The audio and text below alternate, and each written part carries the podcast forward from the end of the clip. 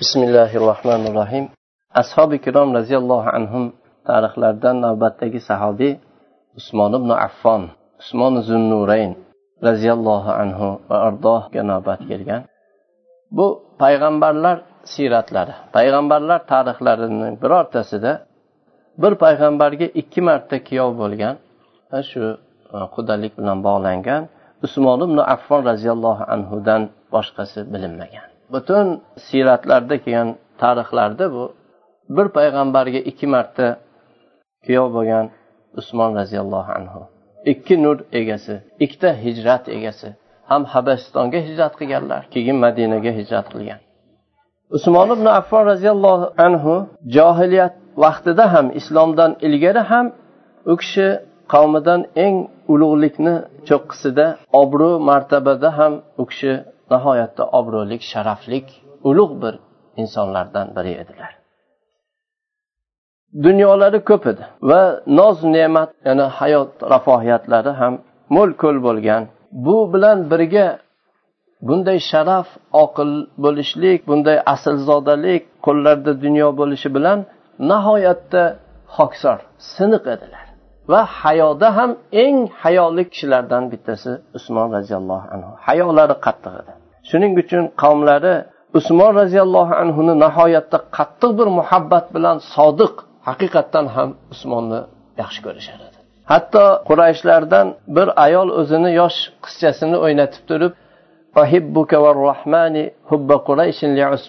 deb E, ey qizim ollohga qasamki men butun qurayshlar usmonni yaxshi ko'rgandek seni yaxshi ko'raman deb o'ynatayotganini rivoyat qiladilar. Ya'ni bu xalq quraysh millati usmon roziyallohu anhuni bunday u kishidagi hislatlarni ulug'ligidan u kishida dunyodagi dunyodagi hamma yetarlik holatlar bo'lishiga qaramasdan nihoyatda siniq tavozulik bo'lganliklaridan hayolarni qattiqligidan va u kishida insongarchilik oliyjanoblik sharaf bularni yuksakligidan butun qurayshlar shunday sodiq bir muhabbat bilan haqiqatdan yaxshi ko'rar edi.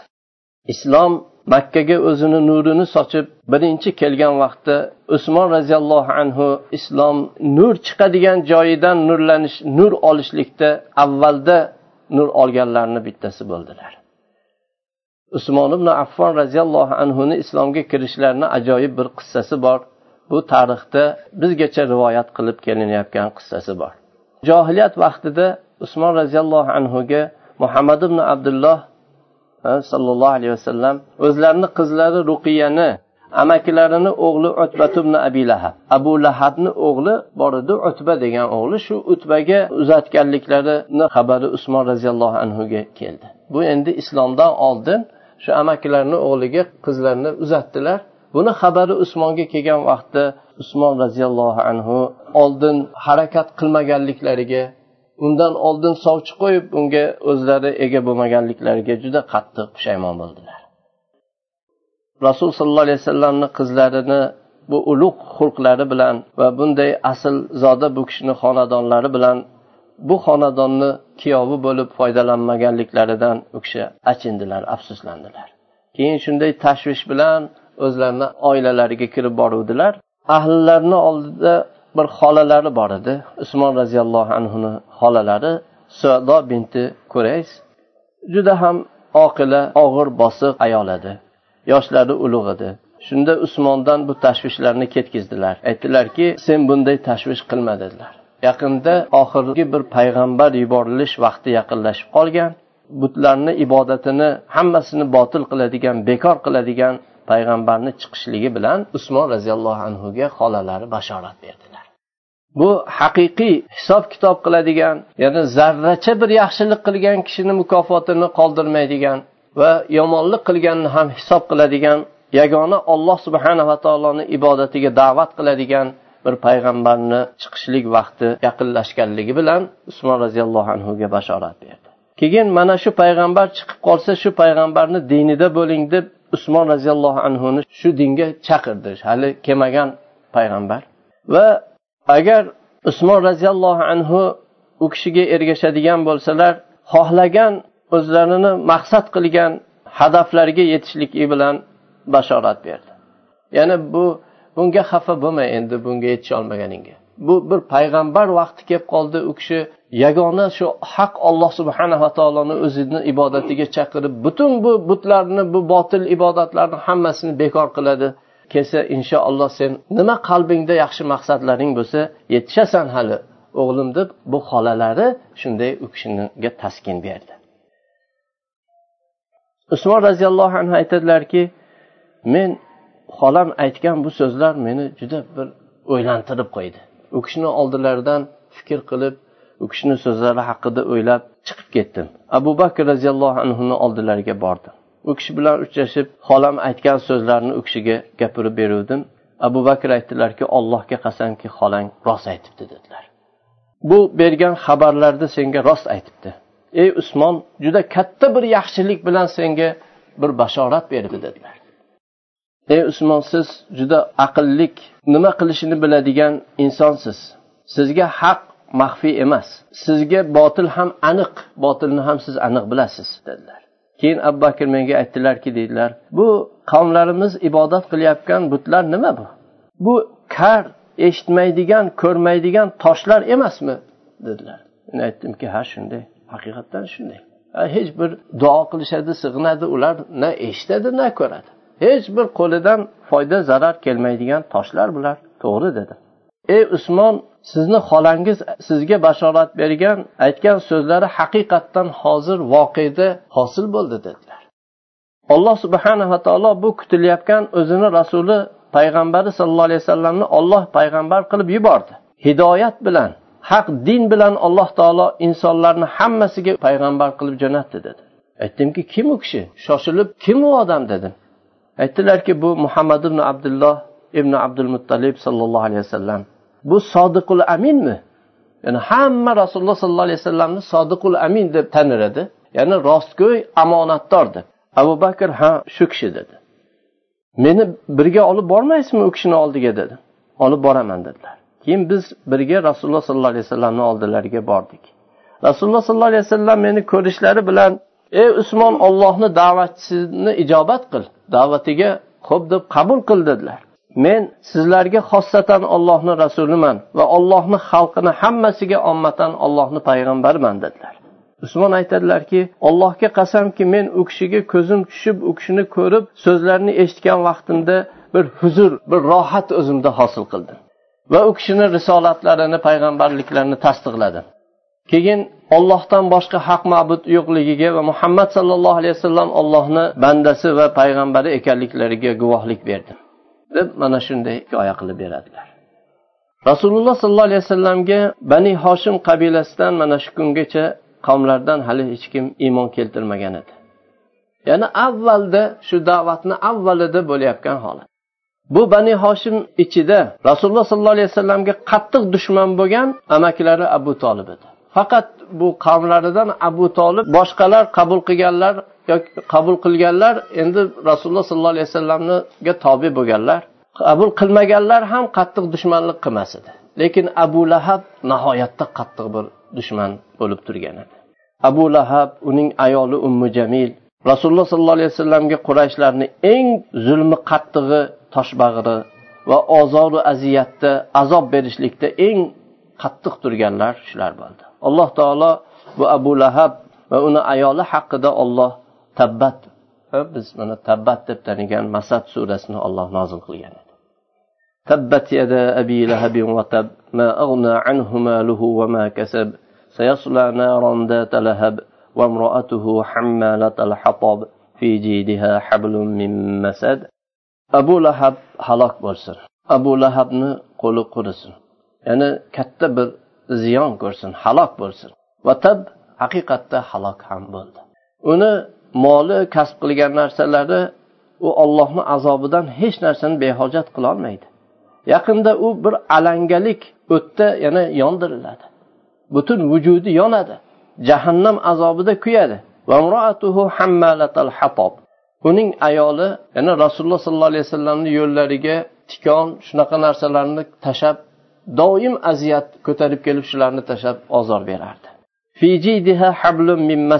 Bir rivoyatda shu bo'ynida bir qimmatbaho taqinchoqlari bor ekan. Bularni hammasini sotib rasululloh sollallohu alayhi vasallamni ozor berib azob berishlikda foydalandi. Ya'ni jahannamda bu o'tga tashlangan vaqtda uni bo'ynida shunday xurmo po'stlog'idan qilingan qo'pol ya'ni inson bir yuk bir narsa ko'targan vaqtda u juda insonni qiynaydigan qo'pol bir arqon bo'ladi. Shunday arqon bo'ynida bo'lib u yaqinda o'tin ko'tarib yuradi. Eri bilan birga abu lahab bilan ya'ni bu ummu jamil abu sufyonni singlisi edi.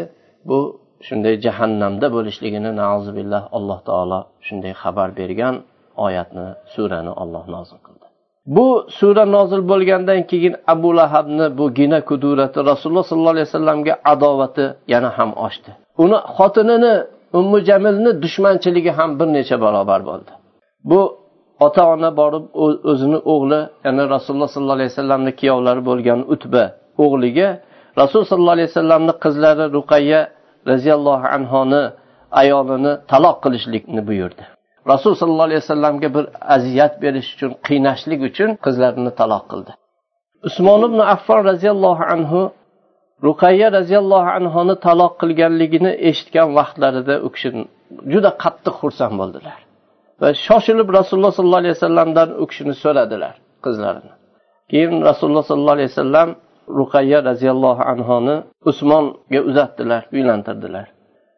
Shunda ummul mo'minin hadija roziyallohu anho onamiz hadija binti huvaylid roziyallohu anho bu kelin qilib usmonga uzatdilar. Usmon roziyallohu anhu bu qurayshlarni eng ko'rinishi ya'ni qaddi qomatlari ham nihoyatda chiroyli axloqlari yuqorida mana zikri o'tdi. U kishi aslzodaligi o'zlari ham kelishgan chiroyli kishi edilar. Va rasululloh sollallohu alayhi vasallamni qizlari ham shunday kishiga munosib shunday axloqda odobda shunday aslzoda va juda ham kelishgan ayol edilar. Shunda kelin qilib u kishiga uzatilgan vaqtda aytilgan ediki ahsanu zavjayni roahuma insanu ruqayyatun va zavjuha usmanu deyilar edi. Ya'ni shunday bizda yor yor aytib bunday e, ayollar nima qilinganda bu inson ko'rgan ikki juft er xotinni eng chiroylisi ruqayya va uning eri usmondir degan so'zni aytib she'rni aytgan edi. Usmon ibn affon roziyallohu anhu bu fazilatda hammadan o'zgan bo'lishlariga qaramasdan yaxshiliklari bunday ko'p u kishini hislatlari axloqlari hayolari unday ulug' kishi bo'lishligiga qaramasdan makka mushriklari qavmlarini ozoridan bu musulmon bo'lgan vaqtlarida u kishi ham salomat qolmadilar. Ya'ni bular juda qattiq ozor berardi. Usmon roziyallohu anhuni amakilari hakam bani abdushams qabilasidan ya'ni usmon roziyallohu anhu quraysh dinidan chiqib ularni tabiri bilan aytganda bu dindan ularni dindan chiqqanligi bunga juda og'ir bo'ldi. Bu juda qattiq bundan tashvishga tushdi. Usmon roziyallohu anhuga bu amakilari hakam va unga ergashganlar juda qattiq shafqatsizlarcha azob berib qiynay boshlashdi. Usmon roziyallohu anhuni tutib olib u kishini mahkamlab bog'lab tashladi. Sen ota bobolar dinidan hali qaytasanmi? Muhammadni dini bu yangi dinga kirasanmi deb azob berar edi. Allohga qasamki sen bo'lib turgan bu diningni tashlamaguninggacha bundan voz kechmaguninggacha men seni qo'ymayman azob beraman deb qiynar edi usmon roziyallohu anhu aytardilarki men bu dinimni hech qachon tark qilmayman. Payg'ambarim sollallohu alayhi vasallamdan o'lgunimgacha hayot ekanman u kishidan ajralmayman dedilar. Oxirida bu amakilari hakam azob berishlikda davom etdi. Usmon roziyallohu anhuni dinda salobatlari mahkamliklari qancha bu azob bergan sayin mahkam bo'lishda davom etardi. Aqidalarini o'zlarini e'tiqodlarini mahkam ushlashliklari mustahkamlashardi. Hatto bu hakam undan umidini uzdi. Keyin e, bor deb qo'yib yubordi. O'zini tiydi. Lekin qurashlar doimo usmon roziyallohu anhuga adovatni qalbida tugib qo'ygan edi. Doim ozor berar edi. Hatto dinlarini olib qochishlikka majbur bo'ldilar. Rasululloh sollallohu alayhi vasallamdan uzoqlashishlikka majbur bo'ldilar. Habasistonga birinchi musulmonlar hijrat qilganda shu muhojirlarni avvalida usmon roziyallohu anhu va ayollari ruqayya roziyallohu anhu hijratga chiqdilar. Ular safarga tayyorgarlik qilib shu yo'lga chiqish vaqtlari yaqinlashganda rasululloh sollallohu alayhi vasallam ular bilan vidolashdilar. Usmon va usmonni ayoli bilan olloh birga bo'lsin deb duo qilib vidolashib qoldilar. Usmon roziyallohu anhu ollohni payg'ambari lut alayhissalomdan keyin o'zini ahli bilan hijrat qilganlarni eng birinchisi usmon roziyallohu anhu bo'ldilar. Keyin usmon roziyallohu anhu habasistonda uzoq turmadilar. Boshqa muhojirlar uzoq turolmagandek. U kishi va u kishini ayollari ruqayya roziyallohu anhu rasululloh sollallohu alayhi vasallamga sog'inchlari juda ham qattiq bo'ldi. Sog'indilar va makkaga ularni muhabbatlari qattiq edi. Ular makkaga qaytib keldilar. Makkada to alloh subhanava taolo o'zini rasuli sollallohu alayhi vasallamga va mo'minlarga madinaga hijrat qilishlikka izn bergunigacha makkada turdilar. Va bu izn bo'lgan vaqtda usmon roziyallohu anhu ayollari bilan muhojirlar bilan birga madinaga hijrat qildilar. Usmon ibn affon roziyallohu anhu rasululloh sollallohu alayhi vasallam bilan hamma janglarda birga qatnashdilar. G'azotlarni hammasida bo'ldilar. Faqat badr g'azotidan boshqa biror g'azotdan u kishi mahrum bo'lmadilar. Badr g'azotida ayollari ruqayya roziyallohu anhu kasal bo'lib bu kishini og'ir kasal edilar. Shu kishini kasalliklari bilan mashg'ul bo'lib u kishi badrdan qolgan edilar. Rasululloh sollallohu alayhi vasallam badrdan qaytganlarida ruqayya roziyallohu anhu vafot etib dunyodan o'tgan edilar. Rasululloh sollallohu alayhi vasallam qattiq bu qizlariga g'amgin bo'ldilar va usmon ibn affon roziyallohu anhuga bu musibatlariga juda ham juda ham bir e, saxovatlik tasalli berib u kishiga u kishini ahli badr shu badr ahlidan hisobladilar va badr g'animatlaridan usmon roziyallohu anhuga berdilar va ikkinchi qizlari ummi gulsum roziyallohu anhoni ham berdilar. Shundan keyin odamlar usmon ibn affon roziyallohu anhuni usmon zunnurayn ikki nur egasi deb chaqirdilar. Usmon roziyallohu anhuni rasululloh sollallohu alayhi vasallamni ikkinchi qizlariga uylanishlari bu kishidan boshqa biror bir er erishmagan juda katta bir ulug'lik bir u kishini ulug' e, sharaflari u kishini darajotlaridan edi. Chunki butun payg'ambarlik tarixida bir payg'ambarga ikki marta kuyov bo'lgan usmon roziyallohu anhudan boshqa kishi bilingan emas. Usmon roziyallohu anhuni islomga kirishlari alloh taolo musulmonlarga inom qilgan ne'mat bergan ne'matlarni eng kattasidan edi. Olloh islomga quvvat bergan yaxshiliklarni eng mo'l ko'li hisobsiz bir yaxshiliklardan biri edi. Musulmonlarga qachon bir zarar bir qiyinchilik mashaqqat tushsa usmon roziyallohu anhu ularga shu mashaqqatlarda birinchi hamdard bo'lgan kishi usmon bo'lar edilar. Islomga bir muhim ish kelib qolsa usmon ibn affon bu muhim xatarlik ishni ochishlikda eng karvonboshi bo'lib turar edilar. Bu usmon roziyallohu anhuni ulug' ishlaridan bittasi rasululloh sollallohu alayhi vasallam tabuk g'azotini tabukka rumlarga jang qilishni qasd qilgan vaqtlarida rasululloh sollallohu alayhi vasallamni molga dunyoga bo'lgan ehtiyojlari odamlarga kishilarga bo'lgan hojatlardan kam emas edi. Chunki rum askari juda ko'p edi va ularni tayyorgarligi hech kamchiliksiz edi. Va keyin u o'zini yerida turib musulmonlar u yerga borib uzoq safardan safar qilib borib urushar edilar.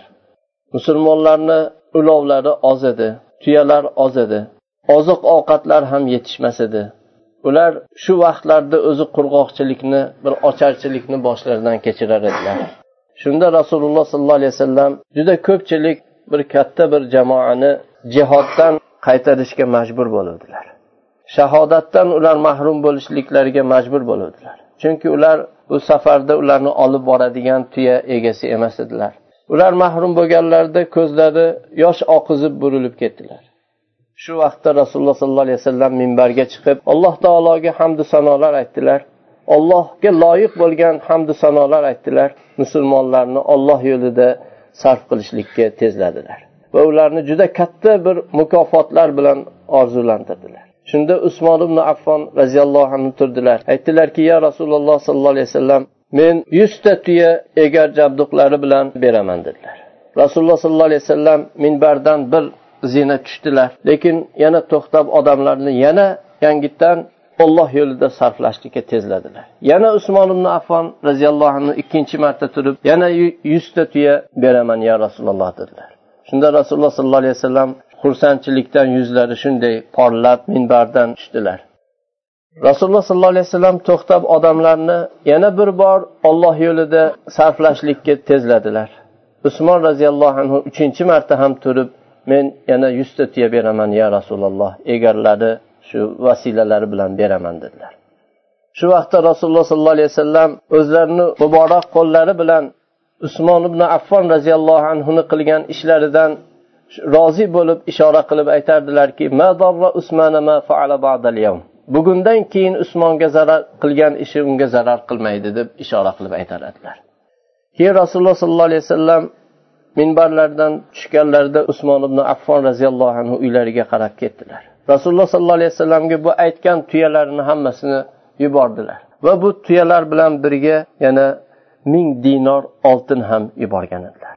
Dinorlar rasululloh sollallohu alayhi vasallamni etaklariga olib kelib berilgan vaqtda rasululloh sollallohu alayhi vasallam muborak qo'llari bilan bu dinorlarni bunday aylantirib aytardilarki alloh taolo ey usmon sirran qilganingni oshkor qilganlaringni olloh kechirsin dedilar. Maxfiy o'tgan xatolaring gunohlaring bo'lsa oshkor bo'lganlarni olloh kechirsin dedilar. Sendan bo'lib o'tgan xatolaringni endi bo'ladiganlarini ham olloh kechirsin deb haqlariga duo qildilar. Umar foruq roziyallohu anhuning xilofat davrlarida odamlar musulmonlar nihoyatda qattiq bir ocharchilik yili bo'lib qoldi.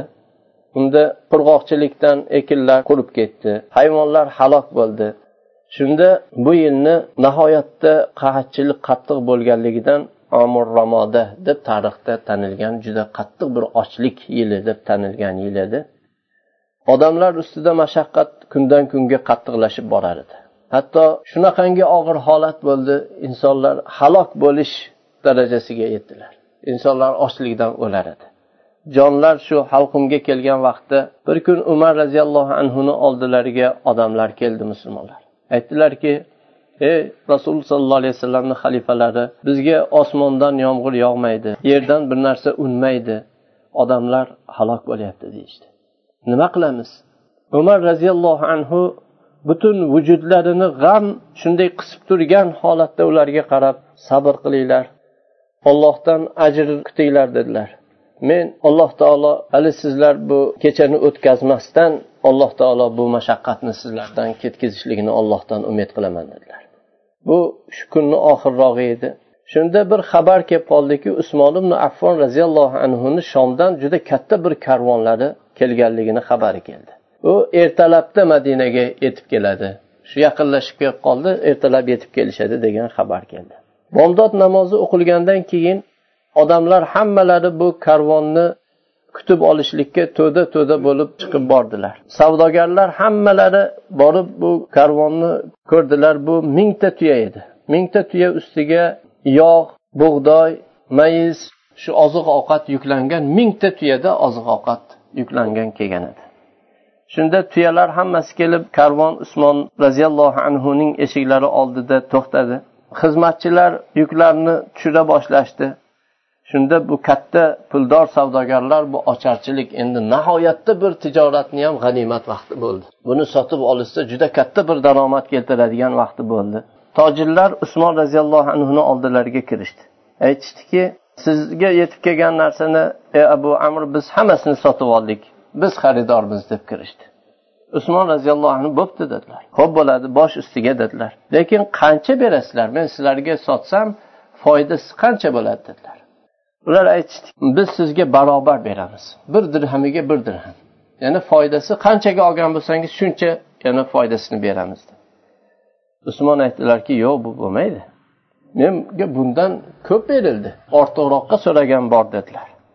Keyin yana oshirishdi. Bo'pti ikki barobar qilib. Olgan narxingizdan yana ikki barobar qilib beramiz.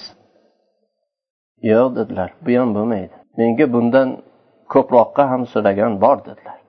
Yana qo'shdilar ularni qo'shganlarini yo'q bo'lmaydi dedilar. Mendan juda katta bir foydaga so'ragan bor dedilar. Shunda aytishdiki madinada bizdan boshqa tojirlar savdogarlar yo'q. Bizdan oldin hali oldingizga hech kim kelmadi. Kim bunaqa katta pulga sizdan so'radi dedilar. Shunda aytdilarki alloh taolo menga har bir dirhamiga o'n barobar beraman deyapti dedilar. Kim bundan ortiq beradi dedilar. Shunda aytishdiki yo'q bundan ortiqqa bo'lmaydi. O'n barobardan ortiq o'sha o'n barobarga beravering deb. Ya'ni undan ortiq berolmaymiz deyishdi. Shunda usmon roziyallohu anhu aytdilarki ollohni men guvoh qilaman. Bu tuya olib kelgan yuklarni hammasini musulmonlar faqirlariga men sadaqat qilib berdim. Biror kishidan bir dirham biror dinor xohlamayman dedilar. Men buni bunga ollohni savobi ollohni roziligini xohlayman dedilar.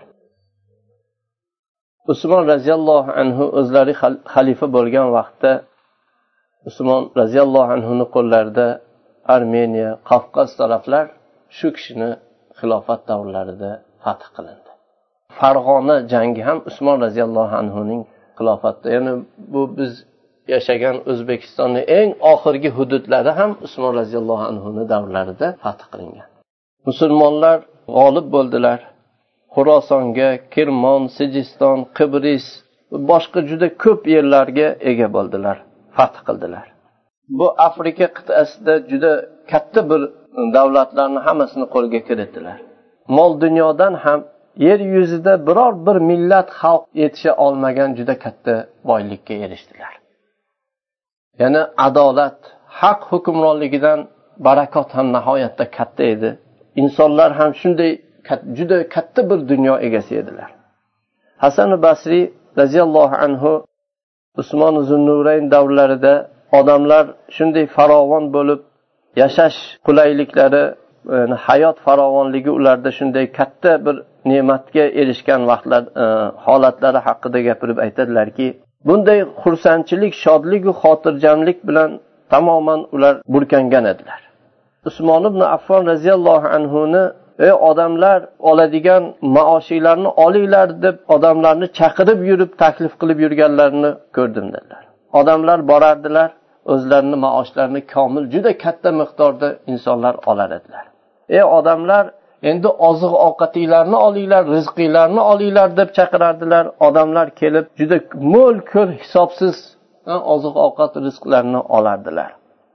Hatto eshitdimki mana shu quloqlarim bilan eshitganman dedilar. Ey odamlar endi kiyim kechaginglarni olinglar deb odamlarga aytib chiqilar edi. Ular borib ajoyib bir zeb ziynatlar E, kiyim kechaklarni olib ketar edilar endi kelinglar sariqyog' asallarni olinglar deb chaqirilar edi borib ularni olib ketishar edi musulmonlar o'rtalari juda musulmonlar bir birlariga mehr shafqatlari muhabbatlari qattiq edi.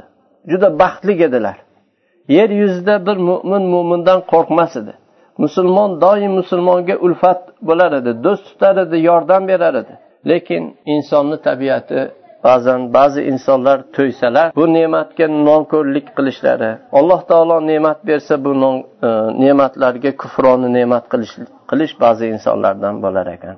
Bunday toifa usmon roziyallohu anhuga bir qancha ishlarni tanqid qilib agar boshqa usmondan boshqa inson bu ishlarni qilganda hech qanday bu qarshi chiqish olmas edi. Usmon roziyallohu anhu halimliklari u kishidagi shu tavozi hayoni qattiqligidan bu kishiga shunday qilishdi. Ular faqat bu tanqid qilib u kishini qoralab ayblashni o'zi bilan kifoyalanishmadi. Agar bu bilan kifoyalanganda ish juda oson o'tib ketgan bo'lar edi. Lekin shayton ularni ruhlariga o'zini ruhini pudadi. Ularni nafslariga o'zini butun yomonligini sochdi. Hatto juda katta bir shaharlardan bebosh odamlar aqlsiz insonlardan ko'pchilik toifa bu chaqiriqqa labbay deb turib usmon roziyallohu anhuni qirq kuncha o'zlarini uylariga qamab qurshab olishdi. Usmondan usmon roziyallohu anhudan suvni man qilishdi. Ya'ni suv berishmas edi. Bu zolimlar esdan chiqardilarki ruma qudug'ini madinadagi eng katta bir ko'pchilik suv ichadigan quduqni usmon roziyallohu anhu o'zlarini xos o'zlarini mollariga sotib olgan edilar. Bundan madina munavvara ahli va bu yerga kelgan musofirlar qonib ichishlik uchun sotib olib shunday tekinga shunday berib qo'ygan edilar. Bular suvdan usmon roziyallohu anhuni man qilishdi. Bu roma qudug'ini yahudlardan sotib olganlar bundan oldin bunaqa tekinga beriladigan suv yo'q edi. Shu yahudlardan sotib olib suv ichishar edi madina ahli. Usmon roziyallohu anhu uni sotib olib shunday berib qo'ygan edilar. Keyinchalik usmon roziyallohu anhuni rasululloh sollallohu alayhi vasallamni masjidlarida namoz o'qishlikdan ham to'sib qo'ydilar. Man qilib qo'ydilar. Bu zolimlar usmon zunnuray roziyallohu anhu o'zlarini shu shaxsiy mol dunyolaridan musulmonlar ko'paygan vaqtda masjid tang bo'lib qolgan vaqtda bu ikkinchi haramni kengaytirib keng qilib bergan usmon roziyallohu anhu qiluvdilar. U yerga borishdan buni man qilib qo'yishdi. Usmon roziyallohu anhuga bu mashaqqat og'ir bo'lgan vaqtda yomonliklar u kishini har tarafdan bosib kelgan vaqtda usmonni himoya qilamiz deb sahobalar va sahobalarni farzandlaridan yetti yuz kishi to'planib keldilar. Bularni ichida abdulloh ibn umar ibn hattob abdulloh ibn zubayr ibn avvom hasan husayn ali ibn abi tolibni ikki o'g'illari abu hurayra va boshqa va boshqa sahobalar shu to'planib kelishdi. Lekin usmon zunnurayn roziyallohu anhu bu ikki hijrat egasi ko'p yaxshiliklarni qilgan zot musulmonlarni qoni to'kilishini o'rniga shu musulmonlar qonini saqlashlik uchun o'zlarini qonlarini to'kilishiga rozi bo'ldilar. Ularni qo'ymadilar. Va usmon roziyallohu anhuni himoya qilamiz deb jamlangan kishilarga usmon roziyallohu anhu qasam ichib aytdilarki bu ollohni hukmiga ollohni qadaridagi nima bo'lsa bo'ladi shunga tashlab qo'yasizlar deb qasam ichdilar. Ularga aytdilarki men kimni ustida meni haqqim bo'lsa u odamni qo'lini tiyishlikka men qasam ichaman dedilar. Butun xizmatkorlari qullari qilich yalang'ochlab kelgan edilar. Aytdilarki kim qilichini qaytib qiniga qaytarib e, qaytadigan bo'lsa ozod u deb ozod qilib yubordilar. Ya'ni shu jang musulmonlar o'rtasida fitna chiqmasligi uchun. Bir kuni usmon roziyallohu anhu ko'zlari uyquga yengil bir uyquga ketdi tush ko'rdilar. Shahid bo'lgan kunlari. Tushlarida rasululloh sollallohu alayhi vasallamni ko'rdilar. Rasululloh sollallohu alayhi vasallam bilan birga sahobalari abu bakr siddiq umar ibn hattob birga turgan edilar. Shunda rasululloh sollallohu alayhi vasallamdan shunday deganlarini eshitdim deydilar ey usmon bugun iftorni bizni oldimizga kelib qilinga deb rasululloh sollallohu alayhi vasallam shunday dedilar. Endi usmon roziyallohu anhu robbilari tarafiga qaytishliklariga qat'iy ishondilar. Payg'ambar sallallohu alayhi vasallam bilan yo'liqishlikka boruvchi ekanliklariga ishonch hosil qildilar. Va usmon roziyallohu anhu shu ro'zada e, ro'zador edilar davom etdilar va o'zlarini uzun kiyimlarini olib qatl qilingan vaqtda shu avratlari ochilib qolmasligi uchun yaxshi o'rab tayyorlanib oldilar. Keyin bunday qattiq ibodatga berilgan dunyo u kishiga shunday bostirib kelgan vaqtda dunyodan tamoman yuz o'girgan dunyoga hech bir e'tibor bilan qaramagan bunday obid zohid zot zulhijja oyini o'n sakkizinchi kunida u kishi qatl qilindi. Kechalari qiyomda turgan kunduzlari doim ro'zador bo'lgan zot qur'oni karimni jamlovchisi rasululloh sollallohu alayhi vasallamga ikki marta kuyov bo'lgan zot zunnurayn o'ldirildi u kishini qatl qilishdi. U kishi chanqoq holatda ro'zador bo'lib oldilarida shu qur'on mushaf shunday ochilgan holatda u kishini qatl qilishdi dunyodan vafot etib robbilari tarafiga ketdilar. Musulmonlar usmon roziyallohu anhuni qatl qilishlikda sahobiylar yoki sahobiylarni farzandlaridan biror kishi yo'qligi u kishi musulmonlarga shu taskin berishlikda shu kifoya qilar edi.